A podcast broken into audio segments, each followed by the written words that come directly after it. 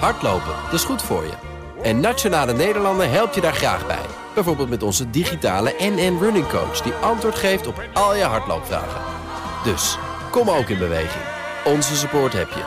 Kijk op nn.nl slash hardlopen.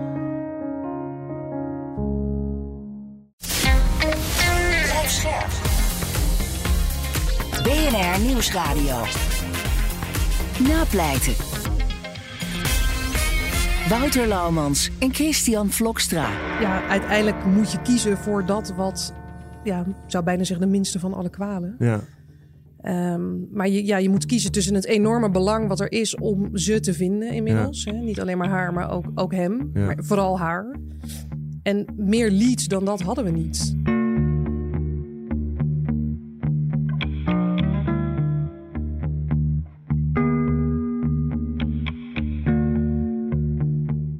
Hallo en welkom bij Napleiten, de podcast waarin we met advocaten, officieren van justitie en rechters praten over strafzaken die hen altijd zijn bijgebleven. Mijn naam is Wouter Laumans en naast me zit als gebruikelijk strafpleiter Christian Vlokstra. Welkom Chris. Dankjewel, Wouter.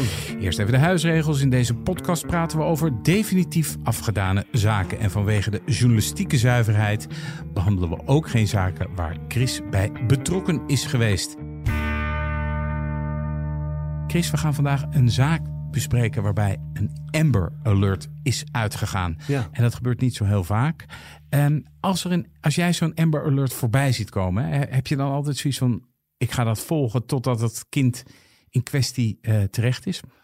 Nou, het is niet zo dat ik, dat ik naar mijn zolderkamertje ga en zeg maar het, het onderzoek eh, op de voet ga volgen. Maar kijk, ik heb natuurlijk Twitter. Ja. Hè, dus op het moment dat dat soort eh, meldingen komen, dat zie je dat eh, nou ja, geregeld. Hè, dan zie je dat meteen wel binnenkomen. Natuurlijk heel veel mensen die tweeten dat en zo. ja. En ik zelf, als het om kinderen gaat, doe ik dat zelf ook wel. Ik retweet dat- ook altijd. Omdat ik, ja, het gaat gewoon om kinderen, weet je. Ja, ik heb, ja, het is toch altijd een, hè, de, de, de, waar je natuurlijk het meest emotie bij krijgt, om het zo maar te zeggen. Ehm, nee, maar ik volg het zeker. Ja, de zaak van vandaag die gaat over de ontvoering en het misbruiken van een 12-jarig meisje in een Rotterdamse hotelkamer in juni 2019.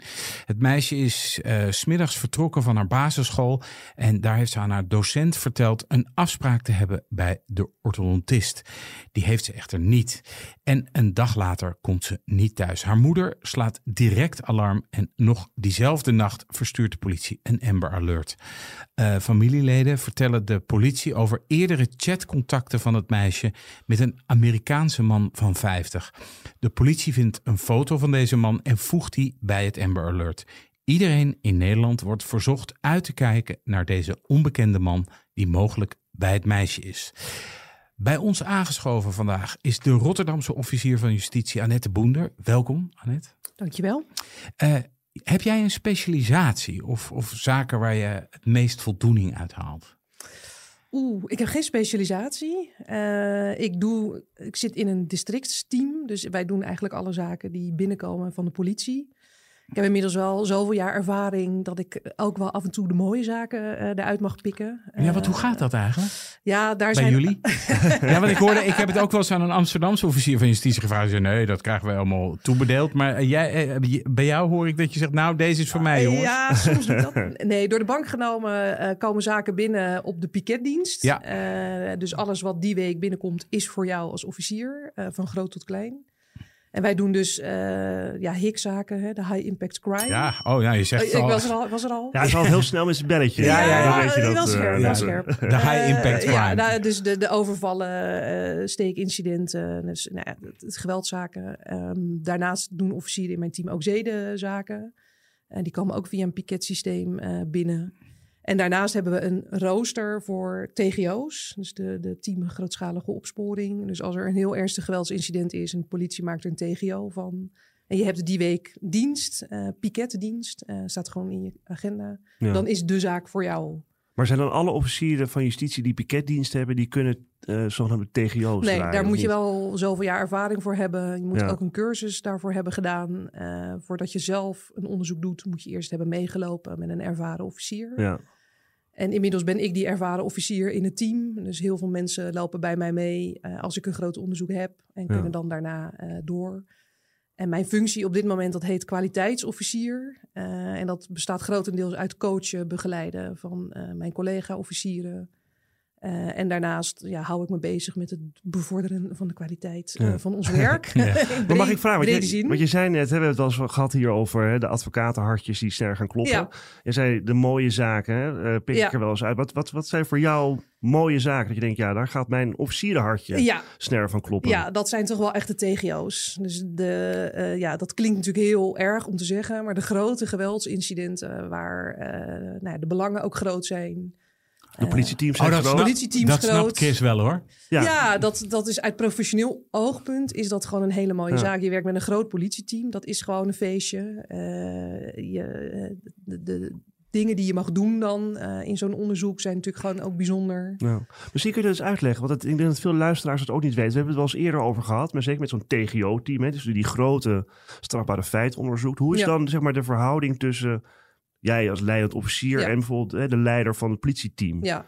Zit je er echt bovenop? Hoe werkt dat? Eh, ja, even een beetje afhankelijk van het type onderzoek. Maar als je echt zeg maar eh, in, in de situatie dat je de dader onbekend is. Hè, je hebt een, een geweldsmisdrijf, iemand is overleden. Een Dader, liquidatie bijvoorbeeld. bijvoorbeeld een liquidatie, dader onbekend.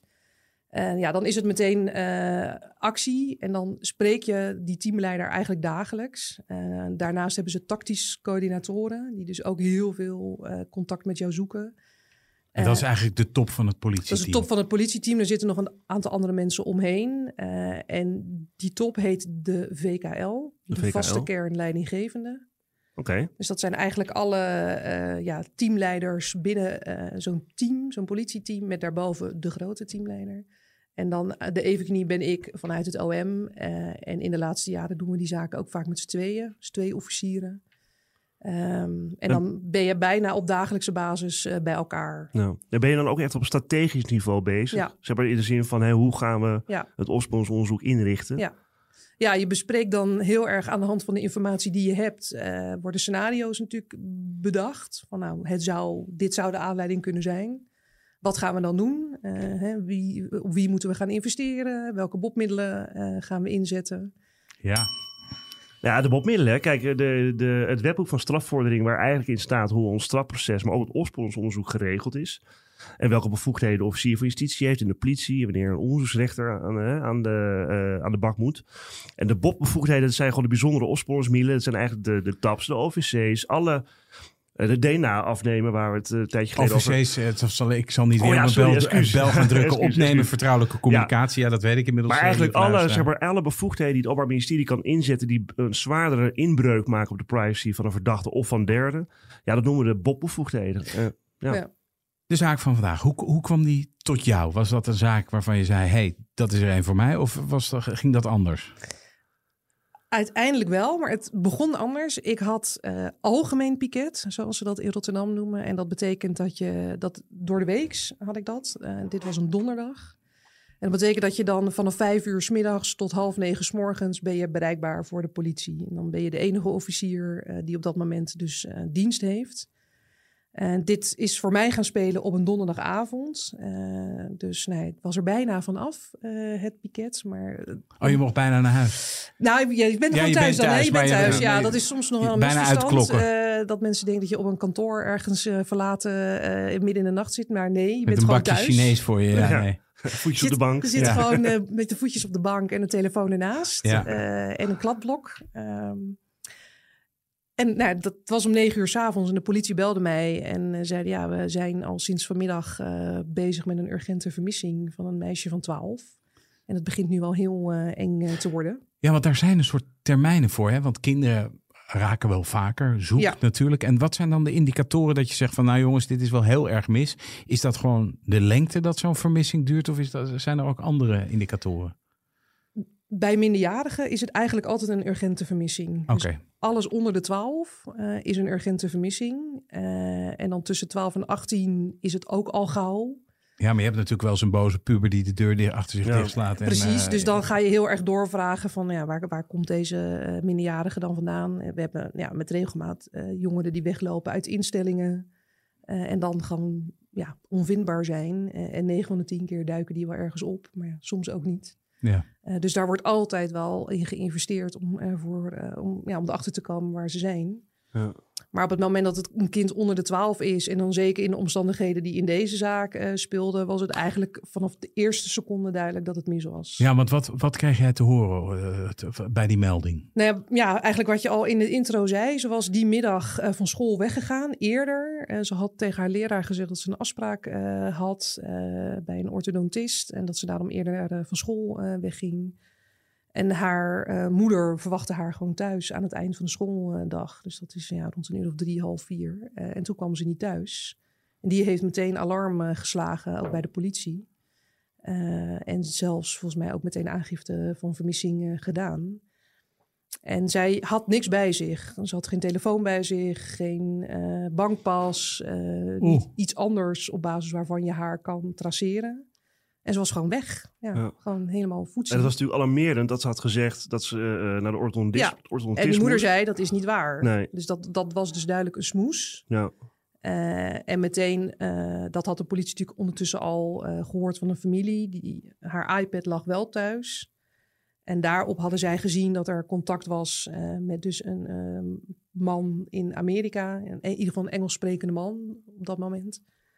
Ehm, en er was ook duidelijk eh, dat, er, nee, dat er gesprekken waren en dat die van zodanige aard waren dat dat wel zorgen baarde. En dat was allemaal bij de eerste, bij de eerste Dat was op melding? dat moment, Oh. dus Ja, toen ik s'avonds Ja. gebeld werd daarover, was dat dus al bekend. ja, als je wist meteen, dit is, Dit is eh, fout. Dit is boel, gewoon een hele foute boel. Ja. Ehm, en wat ik zei net Amerika, op dat moment wisten we nog niet waar hij woonde. eh, maar wel dat het een Engels sprekende man eh, was. Eh, en nou ja, de, de conversaties waren wel zodanig dat je dacht, dit is niet goed. Ehm, Maar dus- eh, ja, zodanig in de zin van dat, dat, dat er leek aan te sturen op een Ja, ontmoeting of...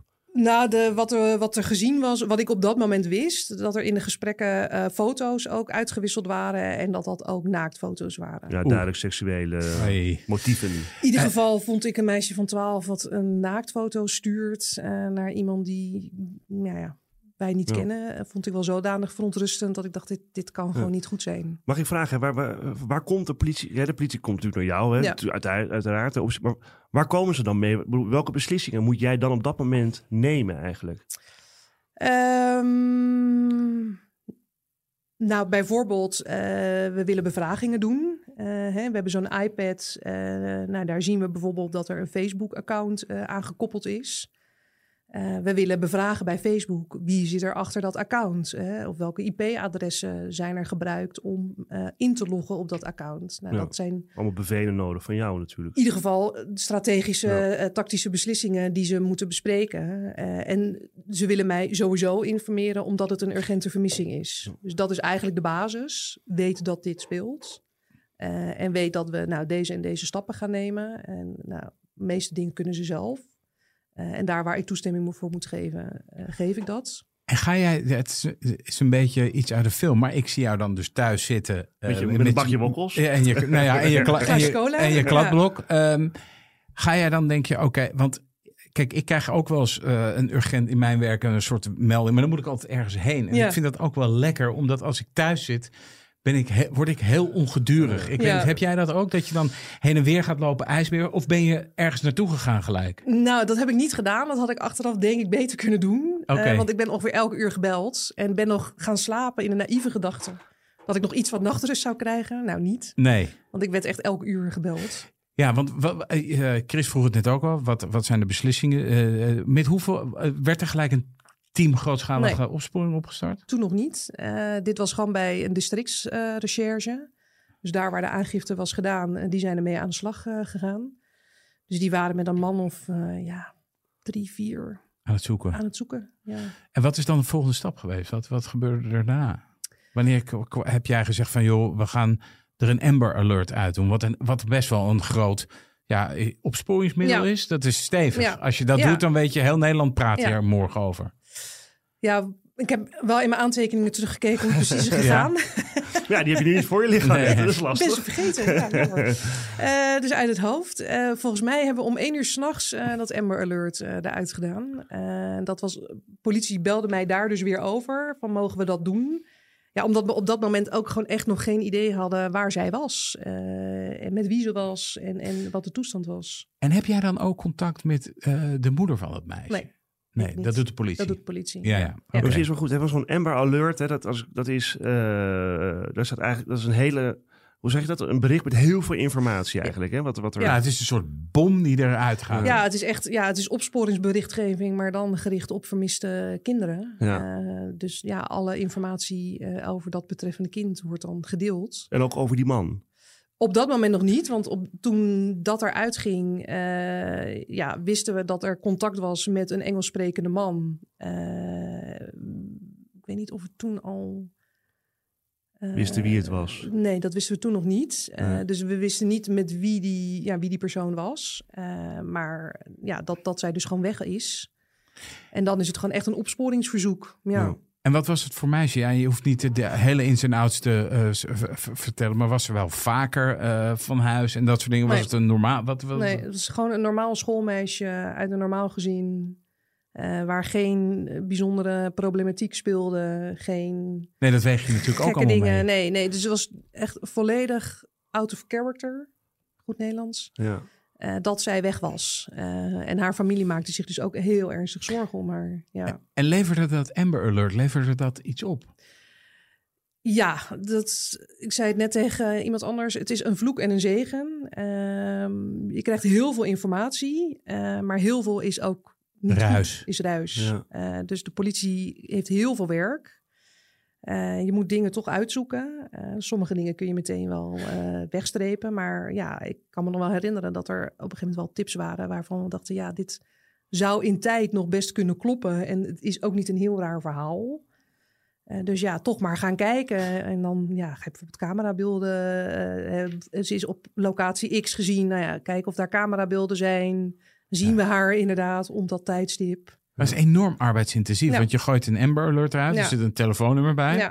Dan moet je dus ook mensen hebben die die telefoon op, eh, de telefoons opnemen. Ja, ja Eh, ze hebben zo'n tiplijn. eh, dat, dat wordt dan naar een soort ja, box geleid. En dan Ja. gaan ze dat filteren. Oh, wauw. Ja. Ja. Dan moet je dus allemaal, het is een Ja. analyse. Maar heel veel mensen realiseren zich dat niet. Hè? Want je- ik zie wel vaker, hè, als, er, als er mensen vermist zijn of wat dan ook, hè, dat mensen dan op sociale media ook van, hé, hey, waarom is er geen Amber Alert of wat dan ook. Maar punt één, het is natuurlijk als je te vaak een Amber Alert eh, uit doet gaan, hè, dan gaat natuurlijk de betekenis daarvan wordt minder. ja. Maar punt twee, het is natuurlijk heel, eh, weet je, je, je, je, je, je je legt hebt jezelf niet een mankracht. Nou ja, en je legt jezelf de verplichting op om alle informatie die dan binnenkomt, om die ook te beoordelen en Ja. zo nodig te, te, te, te onderzoeken. Eh, terwijl je misschien niet de man- helemaal niet de mankracht hebt om dat op dat moment te doen. Dus ja, Ik denk dat is ook een van de redenen dat eh, de andere ochtend besloten is om er een TGO van te maken. Dan heb je natuurlijk een heel groot team. ja, En dan kun je die eh, tips die binnenkomen, daar heb je dan natuurlijk gewoon meer mensen voor. ja. Wie beslist dat dan? Dat het, dat het zeg maar opgeschaald is. dat echt een politiebeslissing of een, politie- een OM-beslissing? ja, het is een politiebeslissing die ook altijd wel getoetst wordt eh, met het OM. Ja. Maar uiteindelijk is het de inschatting van de politie aan de hand ook van wel een aantal overwegingen van moeten we hier gaan opschalen. ja.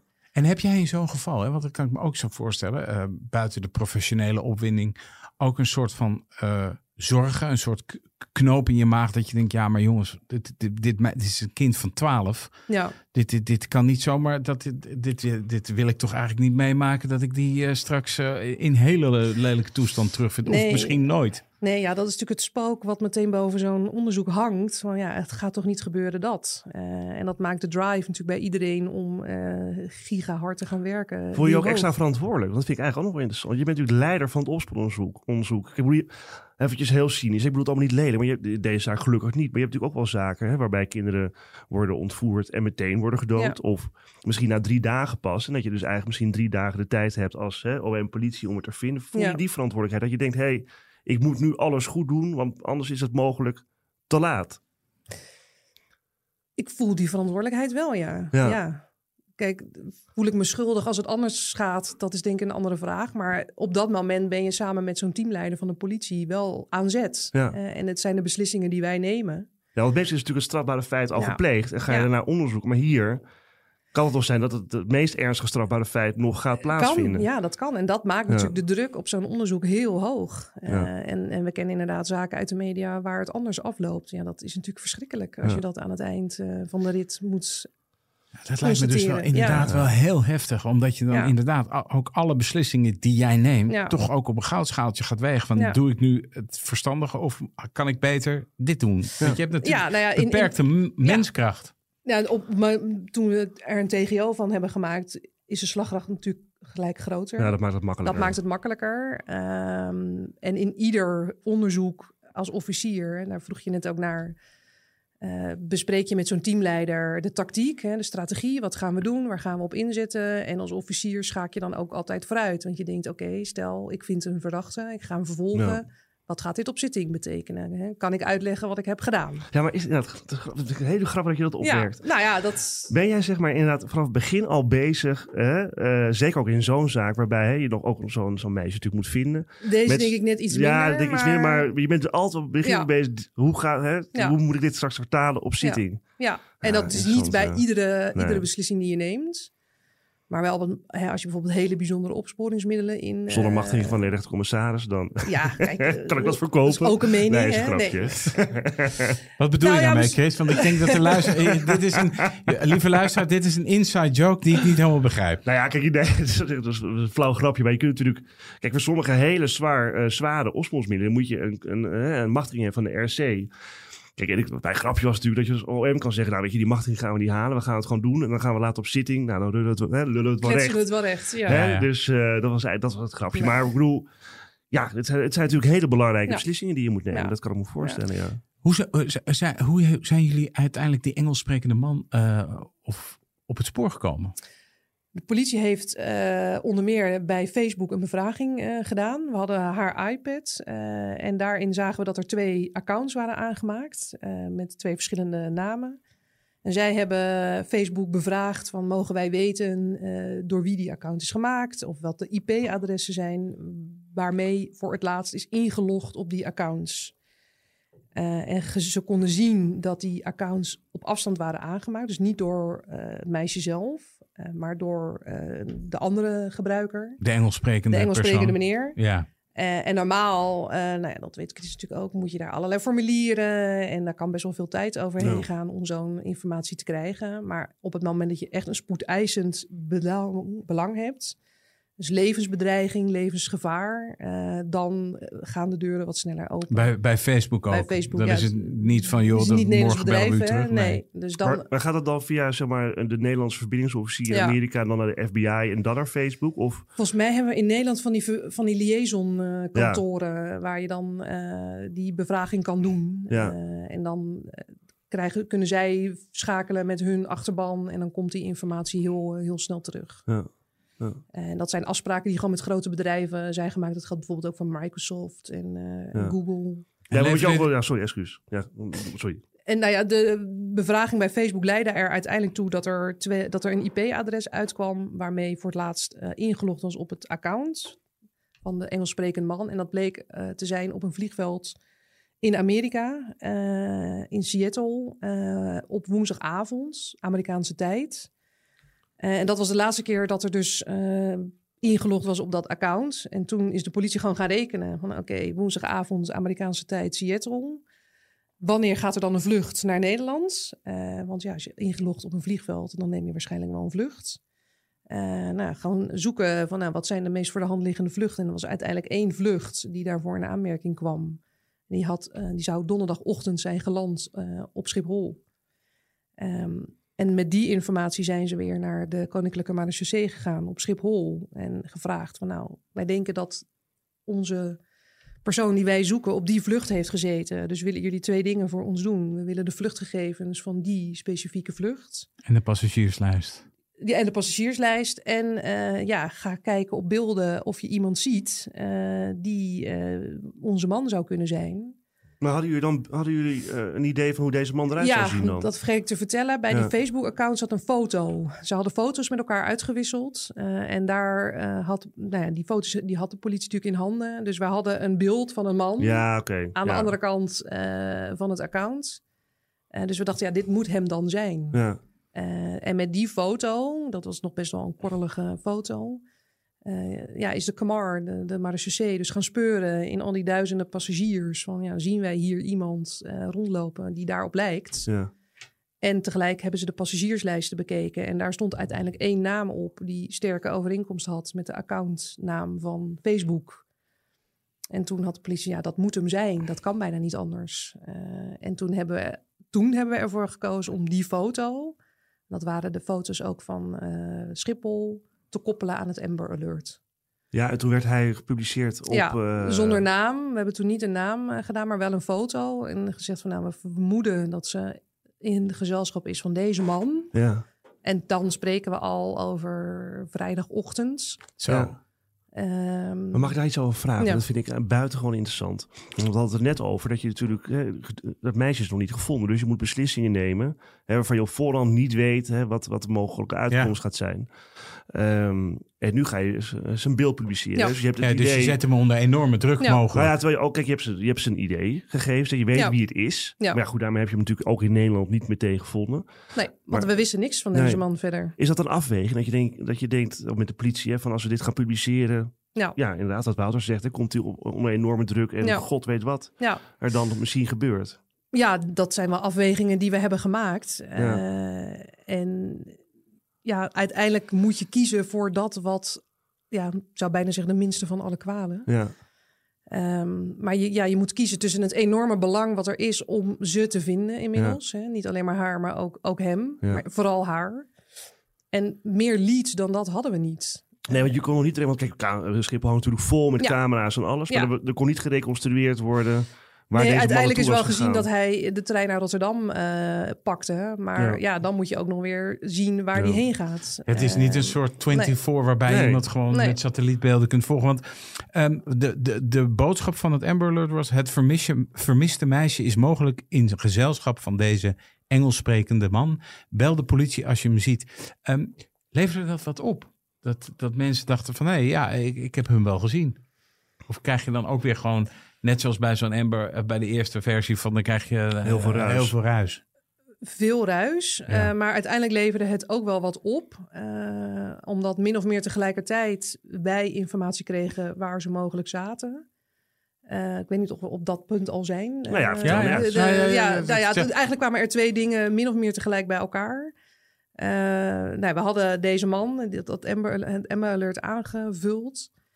En de politie is vervolgens ook contact gaan zoeken met de Amerikaanse opsporingsautoriteiten. Van nou, wat kunnen jullie ons vertellen over deze man? Want wij, wij, die man is voor ons eh, een, een totaal vraagteken. Eh, want we hebben geen telefoonnummer van hem, we hebben geen woonplaats, eh, we hebben geen adres, we hebben niks. Dus we hebben Amerikaanse liaison van de FBI gevraagd: van, nou, zoek het voor ons uit. Dus die zijn gaan zoeken. En die kwamen in de loop van de vrijdag met de informatie dat eh, hij een hotel had geboekt in het centrum van. Rotterdam met een creditcard. En de politie is daar dus naartoe gegaan. En eigenlijk op het moment dat ze daar binnenstappen, zeggen medewerkers van het hotel: Ja, wij hebben hem ook herkend van het Amber Alert. We waren even vergeten te bellen. Ja, ik denk, volgens mij is dat min of meer tegelijk. eh, eh, Is dat plaatsgevonden? heeft- Is dat samengevallen? Ja. Wauw. Ja. Ja. Dan, ik kan me ook wel voorstellen dat je dan denkt, oké. Ja. Maar even een stapje terug. hè, Want jullie krijgen die informatie vanuit Amerika van... hey, dit is deze man en hij heeft eh, daar een hotelkamer geboekt. Ja. Maar dan moet er ook weer een plan komen. Van Dan wat- komt er weer- wat- ja. Wat gaan we doen in die hotelkamer? Ja, wat gaan we doen in het hotel? Hoe Ja. gaan we dit aanpakken? Nou, de informatie was, hij heeft het geboekt en hij heeft ingecheckt. Eh, dus een deel van het team is als een speer daar naartoe gegaan. En die zijn bij de security alle beelden gaan bekijken. Eh, nou, om te, inderdaad te bevestigen, heeft hij inderdaad ingecheckt? Nou, dat zagen ze. En vervolgens de grote vraag natuurlijk, zien we het meisje? Eh, en dat was ook zo. Dus de politie heeft echt zo'n malle, op een soort fast-forward, al die beelden bekeken. En zien haar op een gegeven moment ook komen. Zien ook dat ze allebei naar een hotelkamer gaan. Word je dan ook gelijk gebeld? Van, Ja, hey, ja nou, ja. ik was, eh, wat jij net zei, Wouter, eh, als je zo'n spannend iets, je wilde naartoe. Toen ben ik ook op het politiebureau gaan zitten. Ja. Eh, want ik had toen alle nacht niet geslapen. eh, en toen werd het een TGO. En toen was het vrijdag. En toen zei ik, nou, ik heb er al zoveel aan gedaan. En moet je dan de aandrang bevechten om naar dat hotel dan te gaan? Nee, ik, nee. Nee, want je moet ook de politie zijn werk laten doen. Ja. Soms loop je ook gewoon in Ja, ik ben natuurlijk een verslaggever, dus ik Ja. wil dan altijd met mijn, mijn neus vooraan staan. Maar eh, ik, ik, ik, kan, ik, zou echt, ik zou echt denken van, ik wil dat, dat wil ik Ja. zien, ik wil dat meemaken. Ja, dat klinkt Ja. ook een beetje raar misschien. Aan de ene kant wel en aan de andere kant dus niet. Ja. Want hè, de politie is op dat moment aan zet. Dat zijn Ja. de mannen Er komt een eh, en vrouwen van de tactiek. Ja. Eh, dat zijn inderdaad mensen met wapens. En die eh, hebben daarvoor doorgeleerd. Ja. En ik niet. Maar goed, je krijgt het bericht, of de politie hè, krijgt het bericht van ze is hier Ja. binnen ge- geweest met Ja. hem. Ja, Konden ze ook bevestigd krijgen dat ze er nog steeds was? nou ja, dat was dus weer al die beelden bekijken. Eigenlijk tot het moment dat ze daar waren. Eh, van nou zien we haar nog weggaan. Eh, nou, het antwoord daarop was nee. Eh, want op, daarvoor hadden wij natuurlijk, nou, hij zit daar. Ja, geweldig, we knallen daar naar binnen. Maar ja, dan heb je dus inderdaad scenario's van... stel nou dat ze er niet is. Nee. En er zijn allerlei situaties denkbaar. Ze zijn er allebei niet. Nou, dan hebben we niks. Ja, maar eentje is misschien wel... Nou ja, eentje. En Ja. als dat dan die man is, is dat wel meer buikpijn misschien. Ja, en hij is er, maar zij is er niet. Ja. Nee, Eh, er ontstaat een vuurgevecht en je schiet hem dood. Nou, ja, en dan of zit hij je. zegt eh, niks. Eh, zegt, Ja. zoek het maar uit. Ja, dan, Ach. dan weet je nog niks. Dus we willen eigenlijk bereiken die ideale situatie... dat in elk geval zij er is. Weet Ja. je? En dat... Tuurlijk denk je na over een zitting, maar het allerbelangrijkste is het vinden van het meisje. En dan ben ik zelfs eh, bereid om. eh, Laat dan die zaak maar zitten. Laat de zaak Ja. maar Ja, zitten. ja, maar dat hè? snap ik wel. Dat is het allerbelangrijkste. Je moet haar vinden. Ja. En tuurlijk gaan we geen grenzen over, maar het belangrijkste is haar vinden. Maar dan ben je natuurlijk afhankelijk van wat de politie adviseert. Van dit is het verstandigste om nu te gaan doen, of niet? Nou ja, wij waren op dat moment gewoon in continu met elkaar in Ja. gesprek. Eh, en dit scenario, dat, dat hebben we echt in een halve minuut eh, van nou, dit zijn de opties. Eh, en toen heb ik wel gezegd van nou, ik wil wel echt zo goed als zeker weten dat ze er is. En als we dat eh, voldoende zeker hebben, dan knallen we naar binnen. Dan gaan we gewoon. En dat is gebeurd. en dat is gebeurd. Mag ik nog één vraag stellen, Wouter, over? In, in zo'n zaak, hè, die natuurlijk ook in de media is, weet je... Overleg jij dan ook nog met, zeg maar, binnen het parket met, met meerdere of met de hoofdofficier over de beslissingen die je neemt, of niet? Nou, Of is ik dat- was daar samen met een andere collega. En wat ik net uitlegde, dat je dat vaak met z'n tweeën doet. Dus Ja. we waren samen, dus we hebben veel met elkaar eh, eh, overlegd. Eh, over de persdingen overleg je met de persofficier. Mhm. Zo'n Amber Alert, hè, dat bespreek je dan ook eh, nog met elkaar. Ehm, ik kan me herinneren dat ik nog wel met de rechercheofficier een keer heb gesproken... om heel even te sparren van... Ja, maar ook zo op het moment van binnenvallen, hè? Wat dat je Ja. dan denkt, ja, gaan we dat doen, ja of nee? Ergens, ergens die, op die dag hebben we volgens mij nog wel heel even van... Ja. Nou ja, we zitten nu op dit spoor en dit is een beetje het idee. eh, Wat zijn de scenario's? Ja, dit zijn de scenario's. Nou ja, je zit op de goede lijn, ga door. Ja. Eh, ja, dat is vooral heel even ruggespraak houden van... Want je neemt echt een miljoen beslissingen op zo'n dag. En op een gegeven moment... Ik had natuurlijk ook niet geslapen. Kan ik ook niet zo goed Ja. tegen. Ja. Oh, ik, ik herken dat wel, ja. Ja, ja. wie wel. Eh, dus de politie is daar uiteindelijk naar binnen gegaan. Ja, Eh, ja. En wat, hoe werkt het dan? Dus de politie knalt daar naar binnen om eh, Ja. even, Even een mooie in termen taal. van Ja, Annette precies. Boender eh, te blijven. Ehm, en wat troffen ze aan? Ja, de man en het meisje. En was het meisje in goede gezondheid? Ehm, ze was in goede gezondheid. Eh, ja, er was ogenschijnlijk eh, geen haar op haar hoofd eh, gekrenkt. Maar de omstandigheden waren wel zodanig dat meteen alle alarmbellen afgingen. Want ze werden samen in bed aangetroffen. Oeh. Eh, grotendeels ontkleed. Mhm. Dus dat is wel meteen op dat moment eh Ja. foute boel. En jij hoort dat? Jij krijgt dan Ja. de politie aan de telefoon. Joh, we hebben Ik ze- was nog op bureau. Oké, ja, ja, Ja, ja, ja. We, hebben, we, hebben, we, hebben, we hebben We ze hebben gevonden. hem. Ja. Eh, en dan hoor je dit. Denk je dan, ben je dan blij omdat ze gevonden is? Of ben je dan eh, ook een beetje eh, verbolgen over de toestand waarin ze is aangetroffen? Hoe werkt dat? Ik denk van ja, in eerste instantie denk ik, godzijdank, ze leeft nog. En dan denk ik, kan ik me zo voorstellen dat dat misschien plaatsmaakt van potverdomme, wel gewoon daar in dat bed. Ja, ik denk allebei. Ja, heel fijn dat ze gevonden is en dat eh 24 uur hard werken uiteindelijk eh, tot resultaat heeft geleid. En dat je ook dus een verdachte hebt kunnen aanhouden.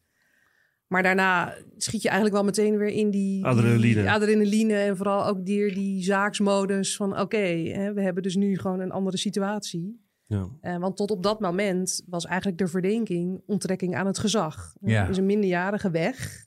En die is niet thuis bij haar eh, familie.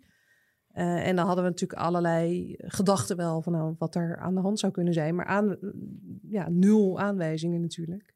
En op het moment dat ze gevonden worden, ontstaat eigenlijk een hele nieuwe situatie. En een plaatsdelict die best wel Precies, bijzonder en is. dan moet je dus, begin je eigenlijk opnieuw met Ja. een nieuw onderzoek eh, ja, naar een verdenking van een zedenfeit. De verdachte eh, die wordt opgepakt. Eh, wat was dat voor man? Ja, het was dus ja, het was een man van tegen de 50. eh, ja, groot. eh, ja, een beetje, ja, een beetje typisch Amerikaans. Uiterlijk wel. Ja. Zo'n een Amerikaanse hamburgerman. Ja, ja, een beetje, beetje, ja, een beetje een kindman ook. Als je ook de foto's eh, ziet. Eh, iemand die in Amerika, voor zover wij hebben kunnen nagaan, in ieder geval geen gezin had. Had wel familieleden. Maar Nee, geen, er zijn, er eh, zijn nog wel foto's van hem terug te vinden Ja. online, zie ik. Ja. Eh, ja, iemand die in Amerika, dat hebben we ook een aantal keer nagevraagd, gewoon geen strafblad eh, Nee. had. Eh, Dus het beeld wat jullie hadden Ja. is, er is een soort, nou ja, iemand die eh, zich aangetrokken getrokken voelt tot een, een Ja, minderjarig Nederlands meisje. wel- Die is vanuit Amerika Ja, hier naartoe gekomen om daar eh, daad bij het woord te voeren. Hoe ging het met het meisje? Laten we dat, eh, dat ben ik ook eigenlijk ook wel benieuwd. Ging het goed met haar? Of was zij ook in de war? zij was wel in de war, ja. ja. Ja, en dat heeft eigenlijk mee te maken met hoe zij, eh, de- ja, het contact tussen hen is opgebouwd. Want hoe is dat gegaan? Dat hebben we uiteindelijk, eh, met name uit haar iPad, hebben we gezien dat zij al een half jaar voordat dit gebeurde contact met elkaar eh, hebben gekregen, chatcontact. Eh, dat is eigenlijk op twee manieren gegaan. Via een online computerspel, waar een chatfunctie bij zat en waar zij dus uiteindelijk met hem in gesprek is geraakt. Ja, dat is een soort paardenspel en dat heet Star Stable. Ja, En ja. dat is een, Ik had er nog nooit van Ja, dan kun je je eigen paard bij samenstellen. Dat is, eh, als ik het nu zo zie, ik heb het hier voor me op mijn scherm en dan zie ik een soort meisje bij een paard staan en denk ik niet, dat is iets waar een volwassene... Nee, maar nee. goed, eh, hè? Maar hij had zich wel, hij had zich wel voorgesteld als een, als een volwassen man. Ja, zeker. Want Ja. zijn dochter nam ook deel aan dat eh, spel. Oké. Eh, en hij presenteerde zich inderdaad niet anders dan hij was. Eh, Oké, dus hij deed zich gewoon voor als oude man. ja, ja, dus dat, eh, dat contact dat was ook gewoon ja, een beetje vriendschappelijk, een beetje, een beetje kletsen. eh, en tegelijkertijd, als je dat politie heeft dat natuurlijk heel goed geanalyseerd, al die chats. Is het bijna een klassiek patroon van grooming. Ja. eh, waarin je gewoon heel duidelijk ziet dat dat contact wordt opgebouwd. En een soort aantrekken, afstoten.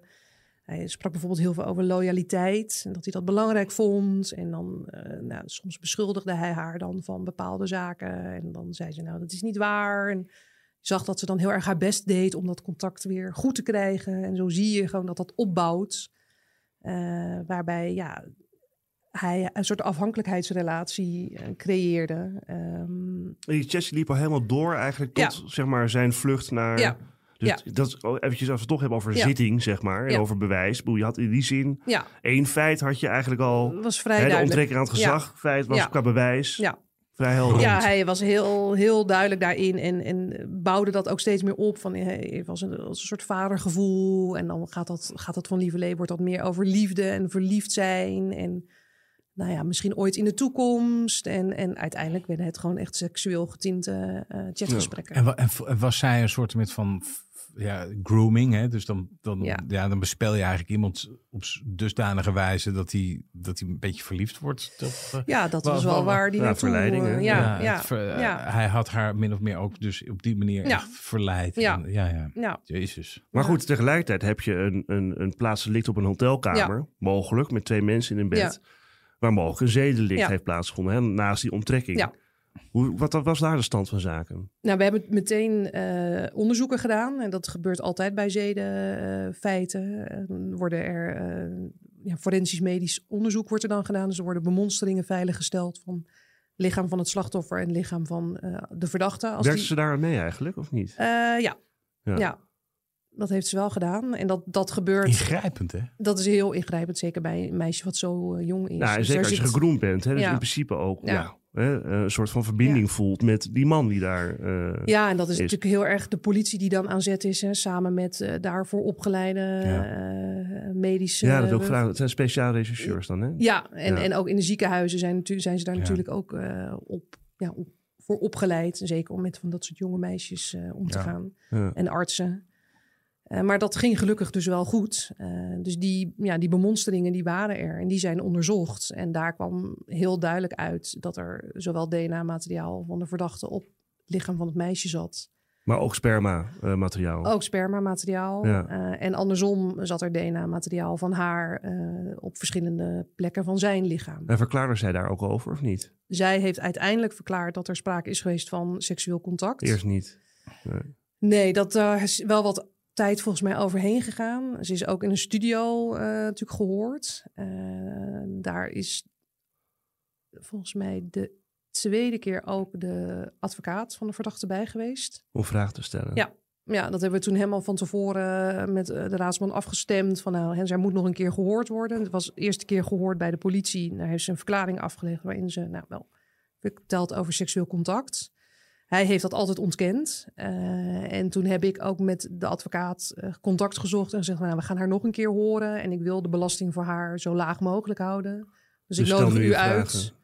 Eh, ja, hij is gekomen naar de studio in Rotterdam. Dat is een speciale verhoorstudio. En daar hebben we met elkaar doorgesproken wat dan, hoe het gaat. En hij heeft dus inderdaad van tevoren een lijst vragen gemaakt.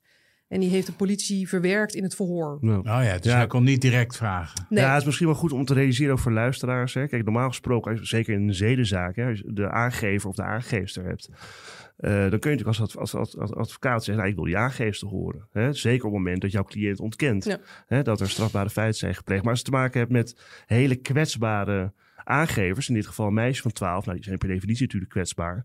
Dan kan het heel goed zijn dat de rechter, als je dat verzoek doet bij de rechter, hè, ik wil die getuige horen, zegt, nou, dat gaan we niet meer doen, eh, meneer Nee. Vlokstra, want dat meisje is te kwetsbaar. Ja. Alleen het levert ook in bewijsrechtelijke zin dan weer problemen misschien op voor het Openbaar Ministerie.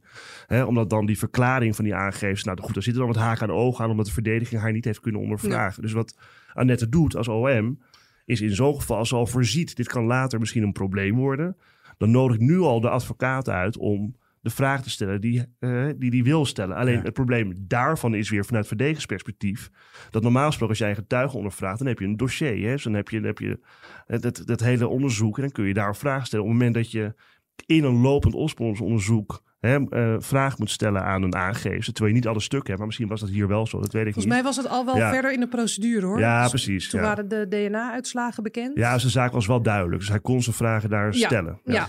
Ja, maar ik vind het ook wel eigenlijk wel goed dat het zo inderdaad Ja, wat is jij zegt. goed, tuurlijk, want je kan natuurlijk ook eh, eh, advocaten hebben die denken, nou kleuner eens even lekker hard in. Eh, dat is, voorkom je hier natuurlijk mee. Nou, nee, dat, maar nee, nee dat, ja, dat hoeft niet. Want kijk, op het moment dat jij later een kwetsbare verdachte gaat horen als getuige, dan kun je er ook niet met twee benen inkleunen hoor. Dat wordt ook allemaal wel voor. Hè, het kan ook een studioverhoor zijn met politie erbij. Alleen, misschien kan ze later niet meer gehoord worden, omdat ze te kwetsbaar is. Dus Ja, dan heb je nu als verdediging al de gelegenheid gekregen om die vraag te stellen. Ja, en ik wilde die discussie op zitting ook voorkomen. Nee, ja. Eh, en ik zie ook het belang natuurlijk wat de verdediging heeft. Eh, ja, en binnen het, de grenzen van het mogelijke wil ik daar ook aan meewerken. Ja. Eh, kijk, Raadsman had er ook voor kunnen kiezen om te zeggen, ja, doei, ga ik niet doen. Ja, dan heb je later misschien een probleem. Ja. Nou ja, dat is natuurlijk wel wat ik ook wel voorzie dan. Wat je wel hebt voorgehouden aan de Nou raadsman. ja, d- kijk, uiteindelijk is het zijn eigen afweging. Eh, maar ik kan me voorstellen als advocaat, als je dan later op zitting zegt, nou, doe nou nog maar. Dat je dan niet een heel goed verhaal hebt. Nee. Ehm, waar, ik, waar ik nog even eh, benieuwd naar ben, en nu ben ik het even kwijt. Eh, de- de- de- de- ja. Waar ik nog even benieuwd naar ben, is wat verklaarde de verdachte? Ja. Nee, hij ontkende, eh, heeft dat altijd ontkend dat er sprake was van seksueel contact. Mhm. En hij had een verklaring voor hoe DNA-materiaal van haar op hem en andersom zat. En dat, ja, dat ga ik niet in detail intreden, maar het kwam neer op een indirecte overdracht. Ja. Maar heeft hij iets verteld van waarom die naar Nederland was gekomen en dat soort dingen? Is dat duidelijk geworden? Ja, hij heeft aangegeven dat hij eigenlijk naar Nederland kwam om haar te helpen. Hij eh, geeft toe dat er inderdaad contact is geweest, Ja, ja. eh, chatcontact. eh, en dat zij daarin had aangegeven dat ze problemen had en hij wilde haar helpen. En eh, hij wilde met haar naar de kinderbescherming en hij zou nog een aantal andere dingen voor haar hebben willen Daar was je niet erg onder de indruk, heb ik het idee. Nee, nee, ik zie, nee. ik zie net ook kijken. Ik denk, nee, die was daar niet Nee. van. Nee, maar goed, je ziet natuurlijk bewijs. Je hebt de chats. Ja, hè, je hebt nee. hun aanwezigheid. Je hebt, je hebt- aanwezigheid telkens. Je hebt sperma, DNA aan alle kanten. Ja, dan moet je wel van een hele... eh, Het was goede huis komen, Nee, zeg maar. zij heeft wel daar nog iets over gezegd van, nou ja, dat is wel eens een keer aan de orde geweest, maar dat was eigenlijk niet de bedoeling. En nou ja, zij was heel duidelijk in het contact heeft eigenlijk naar dit moment eh, is dat opgebouwd. Ja. Dat Ja. was eigenlijk altijd de bedoeling. Eh, dus jij had eigenlijk gewoon, zoals dat heet, een panklare zaak wat dat betreft. Ja, nou, ik heb wel, omdat hij zo heel erg ontkende eh, en, en de verdediging daar ook vragen over stelde, gezegd van nou, er is een manier om dat nog te onderzoeken, hè, de, het scenario van de verdachte. Eh dan kunnen we een verdiepend onderzoek laten doen door het NFI, een zogenaamd activiteitenonderzoek noemen ze dat. Dus naar die dan- DNA-sporen. naar de DNA-sporen. En dan kan het NFI aan de hand van scenario's bekijken van nou, waar past dit nou meer bij wat wij allemaal zien. En ik dacht, nou ja, weet je, laat het maar gebeuren. Laat maar onderzoeken. Eh, nou ja, natuurlijk ook wel enigszins in het vertrouwen eh, dat het goed zou komen. Ja, dat is makkelijk aanbieden. Ja, dat is dan inderdaad makkelijk aanbieden. Maar ja, aan de andere kant denk ik ook weer omdat ik dacht, ik wil op zitting niet weer die discussie hebben. Eh, en dan wordt het een wel eens niet te spel. Eh, ik ben geen DNA-deskundige, dus ik kan van alles roepen. Ja. Eh, en, en op een soort gezond verstand appel doen. Nou, dat kan in heel veel gevallen, kun je zeggen, nou dat is ook genoeg. Maar in deze zaak dacht ik, ik ga het helemaal dicht timmeren. Ik wil gewoon geen discussie. Want het activiteitsonderzoek heb je eh, laten uitvoeren. Ja. En daar kwam uit dat het scenario van de verdachte... Ja, dat is wat ze, hoe ze het formuleren is dat alle sporen die ze aantreffen veel meer passen in het scenario van het OM, namelijk seksueel contact, dan in het scenario van de verdediging, namelijk indirect. Wist je contact. zeker, bij zaken Ja, is ik dacht, dit nou, dit kan niet meer misgaan. Nee. Ja, maar nog voordat de inhoudelijke behandeling kon, kon plaatsvinden, Ja. gebeurde er eigenlijk iets onverwachts. Hè? Want Ja. bij toeval werd ontdekt dat de verdachte terminaal ziek was. Ja. Eh, wat veranderde de zaak daardoor? Ja, daar, ja, dat veranderde wel. Ik bedoel, de feiten werden niet anders. eh, maar de hele vervolging kwam natuurlijk een beetje op losse schroeven te staan. Eh, want het was een heel slecht bericht. Hij zou enkele dagen tot enkele weken hebben. En toen zaten we nog ruim... Maar daar waren ze in detentie achtergekomen of Ja. zo. Ja, Hij had ja, kanker. ja, hij bleek terminale kanker te hebben. Ja. Oh, en, maar in hoe, ik, kijk ook even naar Chris. Ja. In hoeverre eh, eh, kan dat dan een soort eh, omstandigheid zijn die de dingen verandert? Ik bedoel, dan ga je dus als eh, advocaat zeggen... ja, als u eh, mijn cliënt nu lang opsluit... dan heeft hij per definitie levenslang... want hij heeft kort, zo kort te leven. Nou ja, kijk, er zijn natuurlijk, er zijn natuurlijk eigenlijk twee mogelijke gevolgen. Kijk, hij zit natuurlijk in de voorlopige hechtenis... in het Ja. kader van een lopend, hè, lopende vervolging. En dan blijkt hij opeens terminale kanker te hebben. Nou, dat kan een, een goed argument zijn voor de verdediger... om bij zo'n proforma-zitting te zeggen... nou, de persoonlijke omstandigheden van cliënt... namelijk hij heeft terminale kanker... maken dat hij geschorst moet worden bijvoorbeeld. Eh, dus dat is één ding. En daarnaast, ja, als hij uiteindelijk overlijdt... gedurende die vervolging... ja, dan is het Openbaar Ministerie niet meer ontvankelijk Nee. in haar vervolging. Ja. Want je kunt die doden niet vervolgen. Dus dat is die zaak gewoon klaar zonder zitting. Ja. En gewoon met een uitspraak van de rechtbank. Niet, niet ontvankelijk. Wat gebeurde er? Nou, eigenlijk wat Chris eh, zegt inderdaad. Al- Althans, één deel. Eh, ja, ik heb wel meteen de raadsman gebeld. Eh, nou ja, dit speelt. En die zei meteen, ja, ik ga een schorsingsverzoek indienen. Nou, Ja. Dat begrijp ik. Ik heb me daar ook niet tegen verzet. Want hij had echt maar een paar weken te leven. Dat was toen het Bericht. het bericht. En Ja. nou, iedere officier en advocaat zal beamen dat het verkrijgen van medische, gegevens, medische Och, gegevens Jezus, in ja, strafzaak Ja, heel gedoe. is een hels gedoe. Ja. Eh, dus ook niet meer dan dat werd uiteindelijk bekend. Eh, dus we hadden één brief vanuit eh, de PI van een arts waar dit op stond. En daar moesten we het eigenlijk mee doen. Dat Ja. was natuurlijk voor alle partijen heel ingewikkeld. Ehm, daar heb ik wel heel veel ruggespraak over gehouden binnen het OM. Want Of je is- daarbij moest instemmen, ja. ja, Nee. want het is echt wel een unieke situatie. Ik had het in ieder geval nog nooit meegemaakt. Eh, van ja, wat doen we? Want ja, ik heb aan de ene kant dus inderdaad een verdachte die hele ernstige feiten eh, wordt verweten. Ik heb een groot belang bij een inhoudelijke behandeling. En heb ook een groot belang bij, vind ik, voortzetting van de voorlopige hechtenis. Het is iemand die hier geen banden heeft, niet woont. Ehm, maar ja, aan de andere kant is iemand ongeneeslijk ziek. En dat is natuurlijk een verschrikkelijk iets. Ja. Eh, dus ik zou toch denken, dan is het des te meer vluchtgevaar. Want die, die is ongeneeslijk ziek, die heeft niks meer te Maar ja, verliezen. maar, je Nou kan me, ja. ja, maar ik kan me zo voorstellen, maar ook het OM eigenlijk in Ja. die zin niet. Want Als jij denkt, die heeft nog maar een paar weken te leven, dan is je zaak in principe ook ja, weg. En dat wilde ik natuurlijk ook niet, want ik wilde heel graag wel dat we in elk geval een eerste aanleg en inhoudelijke behandeling eh, konden met een oordeel van de rechtbank. Ja. Ook, ook voor, het het, slachtoffer, meisje. ja. Ja. En wat, deed, eh, wat besloot de rechtbank? Nou, er, was een, er is een raadkamerprocedure geweest Ja. voordat er een zitting was, omdat het natuurlijk allemaal zo acuut eh, was. Toen heeft de raadkamer gezegd hij mag geschorst worden, maar hij moet tot de proforma zitting, die zou een paar weken later zijn, in Nederland blijven. Dus toen is hij in Nederland eh, gebleven. En toen is op die proforma-zitting opnieuw het verzoek gedaan door de verdediging om die schorsing te handhaven dan. eh, maar ook te bepalen dat hij wel eh, mocht vertrekken naar, Naar Amerika. Amerika. En dat heeft de rechtbank uiteindelijk eh, toegestaan. Dus de verdachte is gewoon naar huis Ja, gegaan eigenlijk. daar was je op tegen, of niet? Ik was daarop tegen, ja. Ik heb kan ik me wel bepleit voorstellen. eh, dat hij nou ja, wel geschorst mocht blijven, maar Je wilde hem wel in Nederland houden. Ja, want de inhoudelijke behandeling was een aantal weken daarna. Eh, dus ik heb gezegd, ja, het blijft precair. We kunnen allemaal niet in een glazen bol kijken. We weten niet hoe het gaat. Maar goed, we hebben wel binnen afzienbare tijd een inhoudelijke behandeling. Ik kan me voorstellen dat je daar als officier een beetje nijdig over wordt. Ja, het was wel een beetje zuur. Het was ook coronatijd. Ja. Eh, dus dat maakte het natuurlijk ook nog eens extra complex. Eh, dat heb ik ook nog even teruggelezen. Dat het door de verdediging werd aangevoerd van ja, we weten überhaupt niet of die kan reizen en ook niet of die terug kan. Want het is natuurlijk allemaal enorm ingewikkeld nu met corona. Ehm, dus ik denk dat dat ook nog wel een klein beetje heeft meegespeeld. Eh, en de rechtbank heeft uiteindelijk gezegd: ja, uit eh, iemand die in deze situatie, in deze fase zit, wat echt wel de laatste fase. Maar die hebben toch ook het bewijs gezien? Ja, sorry dat ik het zeg. Maar Ja, maar kijk, denken- maar Ja, het, is niet, ja. het, is niet een moeilijk, het is niet een makkelijke beslissing voor een rechtbank ook. dus Hè? ik Kijk, maar Maar ik denk denk dan, ik vanuit, sorry, maar hè? Chris, ik laat even de onderbuik borrelen. en ik denk dan gewoon van, ja man, jij hebt dit allemaal gedaan. En als, eh, het, het pech voor jou. ja, nee, Dat zeker. is Maar, jammer. nee, Helaas. maar kijk, die rechtbank die moet natuurlijk die moet allerlei belangen wegen. Dus die, die weegt het belang van het Openbaar Ministerie. Hè? Het is gewoon het belang van een, een goede vervolging. Je hebt het belang van het slachtoffer, wat op zichzelf geen aangifte heeft gedaan of iets heeft gedaan tegen haar wil, maar natuurlijk wel beschermd wordt door de wet. Hè? En, en, een meisje van 12. hè? Nee, maar goed, dat onderschat ik helemaal niet. Dus Nee. die onderbuik, relaxed, ik, ik volg hem helemaal, Ja. die onderbuik. Maar tegelijkertijd heb je ook te maken met een man voor je die doodgaat. En op een hele korte termijn. Ja. Hè, en, die, al die, en, en, Ja. en er is al eens een keer corona, hè, waardoor mensen niet kunnen reizen naar Nederland. Nou goed. Ja, je moet al die be- Ja, belangen sorry, maar ik- wegen. Ik, snap deze niet helemaal hoor. eh, Maar beste goed, gaan, ja, eh, eh, ik ben Ja. blij dat ik de baan niet heb. Maar ik denk dan echt, ja man, eh, t- kerel, jij gaat... Maar je had, hem laten, je had hem laten doodgaan in de cel. Ik had hem niet laten. Ik had gewoon gezegd: ja, joh, of jij doodgaat of niet. Ja, ik ben geen rechter. Hè, en ik ben Ja, maar je bent rechter. Dat is het Nee. punt. Hè. Je hebt die verantwoordelijkheid als rechter. Dat is het hele Nee, punt. maar ik bedoel, eh, ik, had, ik, had hem, ik had hem wel gewoon gehouden, denk ik. Ja. Met, met wat er op tafel lag. Nou, denk ik wel. Ja, dat was, het bewijs was uiteindelijk niet het punt. Hè? Het was Nee. natuurlijk Nee. de, de persoonlijke belangen die zwaarder moesten wegen.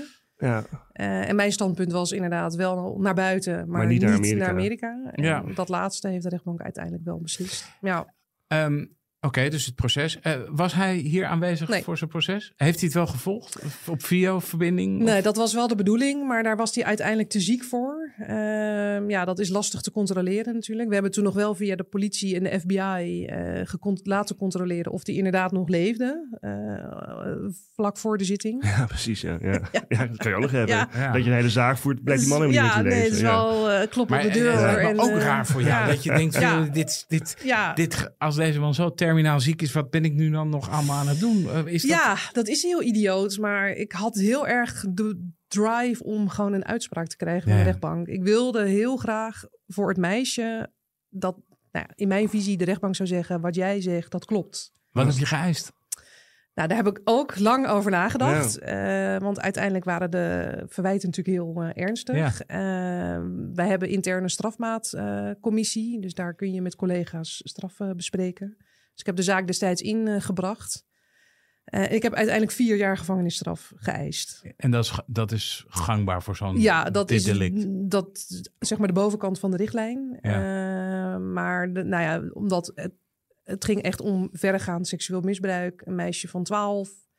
Eh, iemand die inderdaad naar Nederland komt uit Amerika met, in mijn visie, slechts maar één doel. eh, Ja. En was, er, was er toen iets meer bekend over zijn levensverwachting, zeg maar? Het Want eerst nog- was het een paar weken, maar ja, goed, hij leeft nog steeds nou ja, toen waren we behandeling. inderdaad bijna twee maanden verder. En toen was hij nog steeds in leven. eh, en nou ja, de, de. Amerikaanse politie was dus langs geweest. Die zeiden, ja, hij is wel slechter daaraan toe.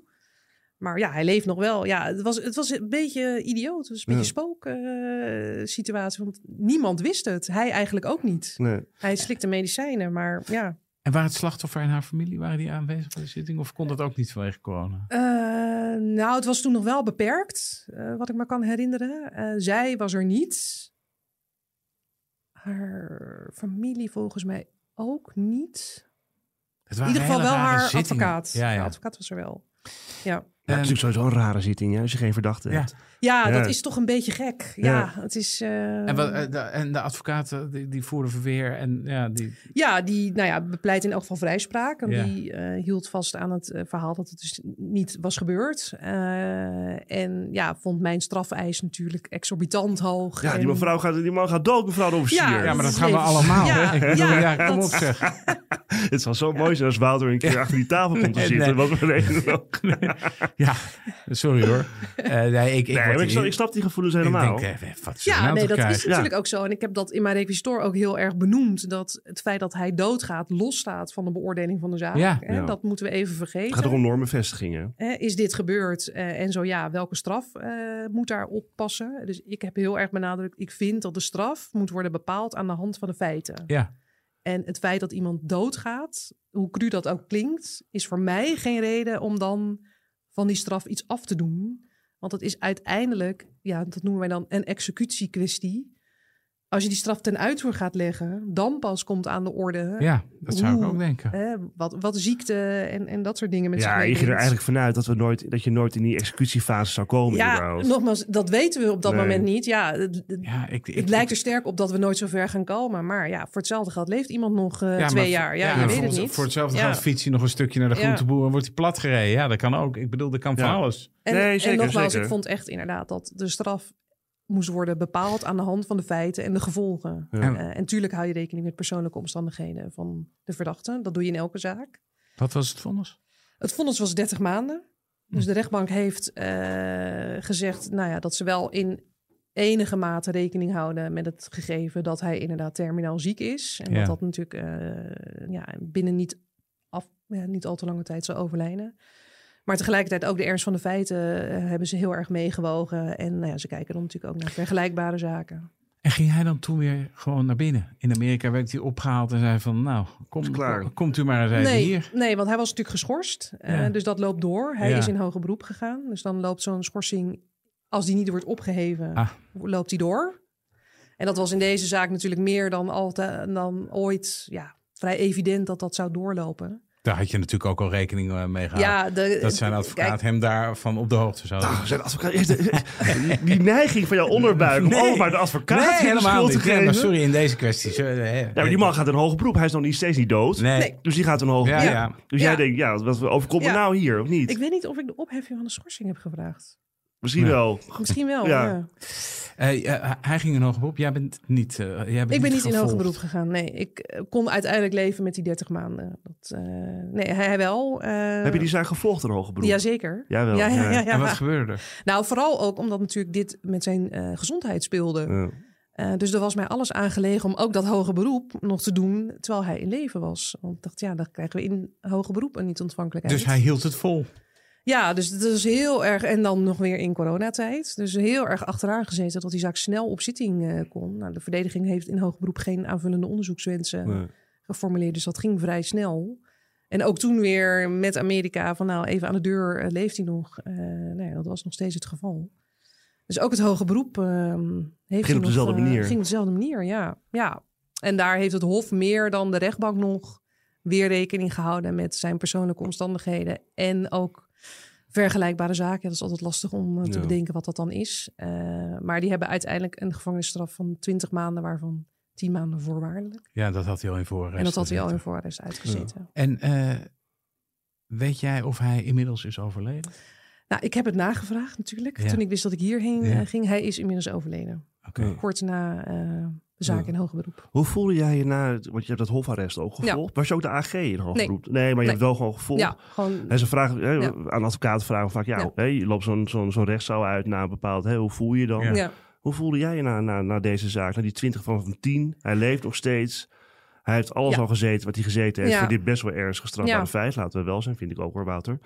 Eh, Ik keek streng eh. Want hij is natuurlijk... Ja, ik hoor zijn onderbuik alweer borrelen. Nee, nou, maar ik, ik zeg dit maar is even snel natuurlijk bij. dan- Nee, ik snap het ik het helemaal zo zeggen, dan spring je er goed uit. Ja, Ja, nee, ik vond de straf uiteindelijk teleurstellend. Als Ja. ik dat even eh, het persoonlijke Het omstandigheid... napleiten, dus het Ja. Ja. nee, ja, dat, ik bedoel, ik heb niet voor niets vier jaar geëist. Ja. Eh, en dan vind ik 20 maanden waarvan 10, 10, ja. vind ik gewoon heel laag voor, voor wat er is gebeurd. En, en de gewiekstheid en het, en het manipulatieve gedrag eh, van deze eh veroordeelden inmiddels. En het ook blijven ontkennen, hè, het geen verantwoordelijkheid nemen. Dat, dat vind ik ook wel heel naar. Waarbij je dan bijna zo'n meisje het idee geeft dat ze het verzint. Eh, of dat het allemaal wel goed is. Dus ja, ik vind de straf uiteindelijk gewoon heel teleurstellend. Eh, nou, waar ik wel met tevredenheid op terugkijk, is nou ja, in ieder geval vanuit mijn perspectief, wat ik eh, met de verdediging heb besproken. Dat meegaan in dat verhoor. Het contact is eigenlijk altijd goed geweest. Nou, denk hoe dat het we dat heel- verlopen is, toch? Het is uiteindelijk Ja, prima dat hebben we verlopen. uiteindelijk prima Ja. gedaan. En dit was ja, zo'n bizarre ontwikkeling. Dat is iets wat je natuurlijk zelden Ja. eh, meemaakt. En ik ben blij dat die uiteindelijk nog eh, bij leven is eh, afgestraft. Dat, dat, en dat er niet een niet-ontvankelijkheid de boeken ingaat. Hoe kijk je nou terug op deze zaak? Ja, ik heb deze zaak uiteindelijk uitgekozen omdat het politieonderzoek gewoon heel gaaf was. Eh, in de 24 uur tijd hebben we gewoon heel veel dingen gedaan. Heel hard gewerkt. Ja, dat is gewoon heel tof. Eh, en dat het dan uiteindelijk eh, succesvol is. En ik ben blij nogmaals dat we uiteindelijk dus gewoon een inhoudelijke uitspraak hebben gekregen over deze zaak. Eh, en ik zeg tegen iedereen met kleine kinderen, laat ze niet op een computerspel met een chatfunctie zitten. Ja, dat is lastig. eh, Ja, dat is ja, lastig. ja, dat is heel lastig. Ja. Ehm, maar dat heeft mij wel ook de ogen geopend. Dus ik vond het een, eh, ja, op meerdere manieren een hele bijzondere zaak. Annette Boender, bedankt voor dit verhaal en eh, je komst naar deze studio. Graag gedaan. Dit was Napleiten. Het vonnis en het arrest in deze zaak zijn na te lezen op rechtspraak.nl. Mijn naam is Wouter Laumels en naast me zit co-host advocaat Christian Vlokstra. Deze podcast is te beluisteren op Apple Podcasts en Spotify. Vergeet u vooral niet te abonneren, dan bent u op de hoogte als er een nieuwe aflevering online staat. Verder zijn we te volgen op Twitter en Instagram. Dank voor het luisteren en heel graag tot de volgende keer.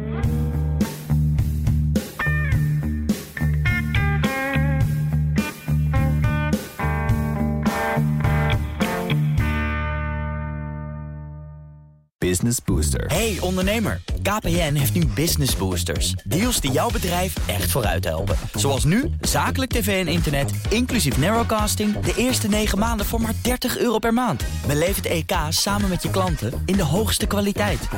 Kijk op kpn.com slash businessbooster. Business Booster.